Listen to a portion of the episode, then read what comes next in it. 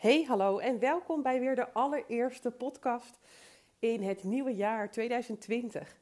Uh, er zijn alweer een paar weken voorbij en ik hoop dat je hele fijne eerste weken van het nieuwe jaar hebt gehad en dat er nog een heleboel mooie weken voor je mogen komen. Uh, je bent er weer bij Suzanne Bischin, live, co live coach podcast. En je hoort dat ik net een foutje maak en ik haal het bewust niet weg. Want ik denk dat er in het leven geen plekken zijn waar je, als je mij bijvoorbeeld in het echt zou zien spreken, of als wij in gesprek zijn met elkaar, dat ik me ook wel eens vergis en dat ik daarna gewoon door kan gaan, want de wereld vergaat namelijk niet. En daarom laat ik dat foutje aan het begin uh, in mijn podcast zitten. Omdat je foutjes mag maken en dat maakt je namelijk menselijk. Het hoeft niet perfect. Het is geen televisie. Uh, het maakt mij denk ik ook alleen maar meer menselijk, want we hebben allemaal wel eens versprekingen. En nou, fijn om dat voor mezelf ook wat lichter weer te maken. Dat je niet als ik al een hele podcast op heb genomen moet gaan denken... jee, nou zeg ik iets verkeerd en nou zou ik dat weg moeten gaan halen. Of de hele podcast ging ik in het begin dan bijvoorbeeld opnieuw opnemen. Uh, of ik zou moeten gaan, ja, hoe noem je dat, editen of zo. Dat is allemaal eigenlijk niet wat ik doen wil met de tijd die ik heb. Want in de tijd die ik heb besteed ik of aan de dingen die ik zelf ook graag doe... of aan mijn werk, of om jou te inspireren. En dat is vandaag mijn doel... Dus het foutje gaat niet weg en ik ga gewoon lekker door met het idee waarvoor ik deze podcast op wilde nemen. Um, misschien leuk om te weten, en misschien ook helemaal niet, maar voor mij werkt dat zo. Wanneer ik aan het werk ben en aan het coachen ben of aan het spreken ben over wat ik doe, loop ik eigenlijk altijd. Bij mij gaat dan de energie wat meer stromen en voel ik me vrijer om uh, ja, alle teksten die erop komen, die vanzelf gaan, ook gewoon te laten komen voor het opnemen van zo'n podcast heb ik vaak al wel een idee. Dan heb ik al honderd keer zit in de auto en denk oh ja, dat is ook een mooi onderwerp. We moeten eens verder over te hebben.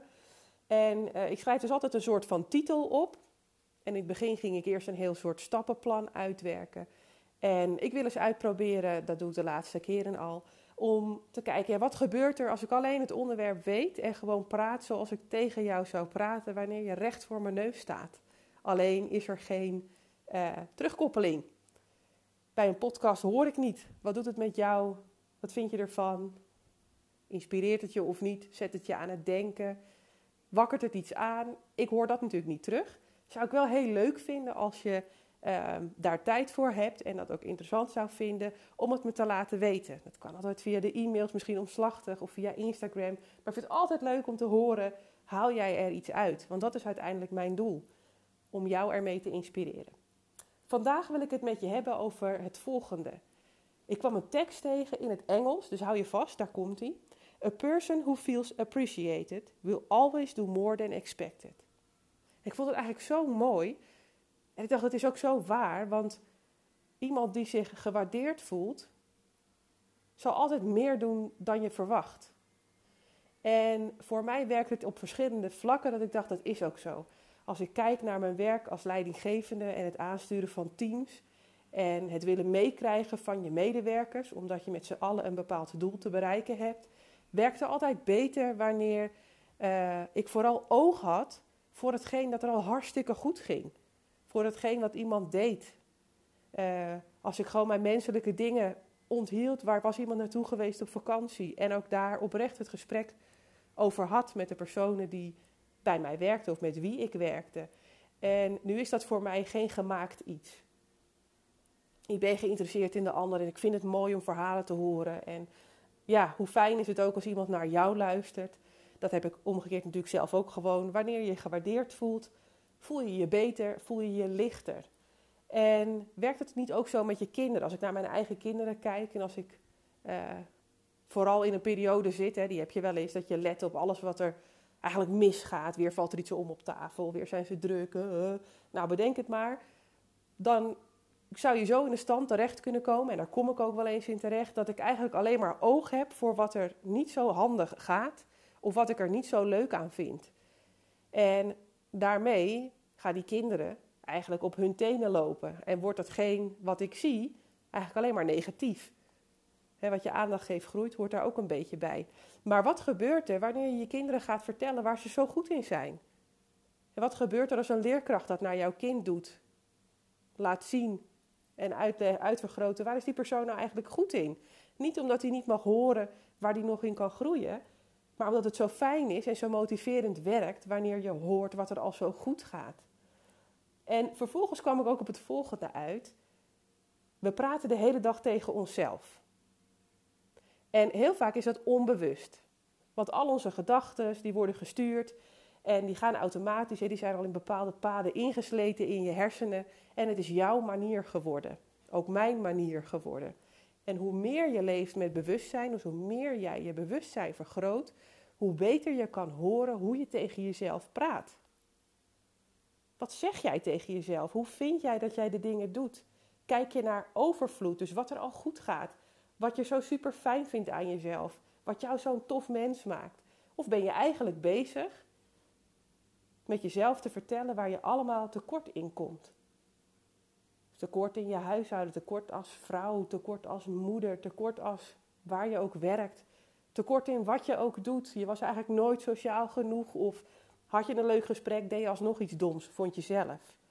En wat je daarmee creëert en wat ik ook heel lang heb gedaan en wat je zo he, gaandeweg, wat ik zo gaandeweg ook bij mezelf ontrafel en mezelf hoor spreken is, ah, dat was eigenlijk helemaal niet zo liefdevol. Ik waardeerde mezelf helemaal niet zo erg. Ik vond vooral dat ik nog van alles te leren had en alles beter kon. En ja, dan werkt dat eigenlijk averechts. Want je denkt, daarmee motiveer ik mezelf uh, om bijvoorbeeld eh, 10 kilo af te gaan vallen. Of om uh, mijn huishouden beter te draaien. Of om nog socialer te zijn. Maar je zet jezelf daarmee eigenlijk negatief onder druk. En ik gok dat dat eigenlijk helemaal niet is wat je wilt. Want je kunt het ook om gaan draaien. Als je jezelf leert waarderen. Gewoon om wat je allemaal al doet. Of om wat er allemaal al is. Of gewoon om wie je bent. Kijk eens naar wat je mooi vindt aan jezelf, zowel uiterlijk als innerlijk. Er zijn zoveel mooie dingen te bedenken. Dat weet ik namelijk zeker, ook al ken ik je niet. Er zijn zoveel goede punten aan jou. Alles wat bijvoorbeeld gewoon werkt aan je lichaam. Alles wat je gewoon hebt. En dan hoef je niet te keuren of er een plaatje aan te hangen of het te beoordelen als het is te groot. Ik heb te grote voeten, ik heb te kleine handen, mijn neus staat scheef, mijn oren die staan wijd. Bedenk het maar. Maar je hebt oren om te kunnen horen, je voeten brengen je overal. Ik heb jaren, echt waar, nou ik denk wel 35 jaar last gehad van dat ik een grotere schoenmaat heb. Maat 41, soms maat 42 zelfs na mijn bevalling. En ik schaamde me eigenlijk mijn hele leven helemaal kapot. Ooit in een schoenenwinkel zei een vrouw tegen mij, toen was ik gewoon nog een kind, ging met mijn moeder winkelen. Ja, in die maat hebben wij geen gewone schoenen.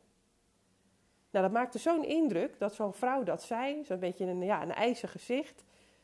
Dat ze zei, daar hebben we eigenlijk geen leuke schoenen voor. En ik ben erin gaan geloven dat het gek is als je als vrouw maat 41 had. Dus schaamde ik me ervoor en hè, wilde ik eigenlijk schoenen waarin mijn voeten wat kleiner leken. Heb ik ook wel op schoenen gelopen uh, die te klein waren. Puur en alleen omdat ik vond, jachers, ik heb van die grote voeten. Maar weet je waar die grote voeten mij nu eigenlijk aan herinneren? En ik ben er ook achter dat ze tegenwoordig helemaal niet zo groot zijn. Want er zijn heel veel mensen met mijn schoenmaat, ook vrouwen. Maar wat ik nu weet is, mijn voeten en mijn handen, die zijn volgens mij een beetje hetzelfde als die van mijn oma van mijn vaders kant. Ik kan me ook herinneren dat zij vrij, hè, hadden we nog van die echte oma schoenen zeg maar, en dat die vrij groot waren. En niet gek, dat wist ik gewoon, dat hoort bij haar. En ja, hoe mooi is het eigenlijk dat zoiets is doorgegeven. En die voeten die brengen me overal, al mijn hele leven, al 36, bijna 37 jaar. Dus waarom zou ik daarop afgeven? Nou goed, voordat we gaan naar hè, wat, wat, hoe het met mijn voeten zit, wilde ik je eigenlijk meegeven dat wanneer je jezelf leert waarderen, het hetzelfde werkt als wanneer je bijvoorbeeld een kind waardeert. Je gaat altijd meer doen wanneer je goed voelt over jezelf. Wanneer je zegt, goed gedaan man, dan ga je vaker dat soort dingen doen namelijk. Zonder druk. Dus wat goed dat jij lekker stil hebt kunnen zitten en een keertje koos voor rust in plaats van nog een was vouwen. Dan mag je meer van jezelf, meer rust gaan nemen als je het positief bestempelt. Positieve dingen. Wat ik je mee wil geven is, als je verandering in je leven wilt, dat is waar deze podcast voor bedoeld zijn, om je te stimuleren te kijken naar hoe kun je je eigen leven lichter en makkelijker maken. Hoe bereik je meer vrijheid? Dat zit onder andere erin om de waardering voor wie je bent en voor wat je doet uit jezelf te kunnen halen. Want ook vaak wachten we op complimentjes van de buitenwereld. En natuurlijk is dat fijn en die hebben we ook gewoon nodig. Maar dat is niet alles. Er kunnen nog zoveel complimentjes komen. Als jij jezelf niet waardeert, kunnen die ook nooit goed zijn werk doen. Dan komen die complimenten nooit echt aan. Want dan heeft jouw innerlijke stem alweer kritiek. Wel, nee joh, het helemaal niet goed gaan. Dit, dit en dit deed ik niet goed bijvoorbeeld. En vaak gaat dat onbewust. Dus probeer eens die innerlijke stem in jezelf te ontdekken. Schrijf het eens op. Hou het eens bij, bijvoorbeeld een aantal dagen. Ja, hoe denk jij eigenlijk over wat je doet en over jezelf? En hoe zit dat eigenlijk? En soms hoor je die stem niet, maar wat zeg ik? Hoe vaker je er naar luistert, hoe meer je bewust je ervan wordt, hoe meer je je eigen manier van praten gaat ontdekken. En dat is eigenlijk best heel gaaf. Misschien schrik je in het begin een beetje rot en je, jemig, zo negatief over mezelf en dan ga je daar weer kritiek over hebben.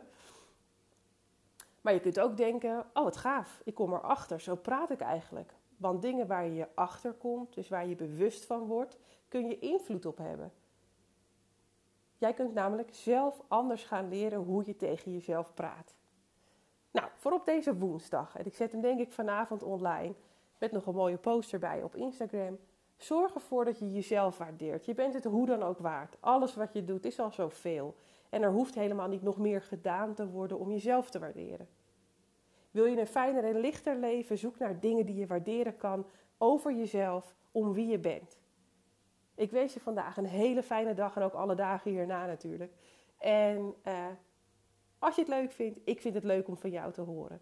Heel veel plezier vandaag en tot snel. Doeg!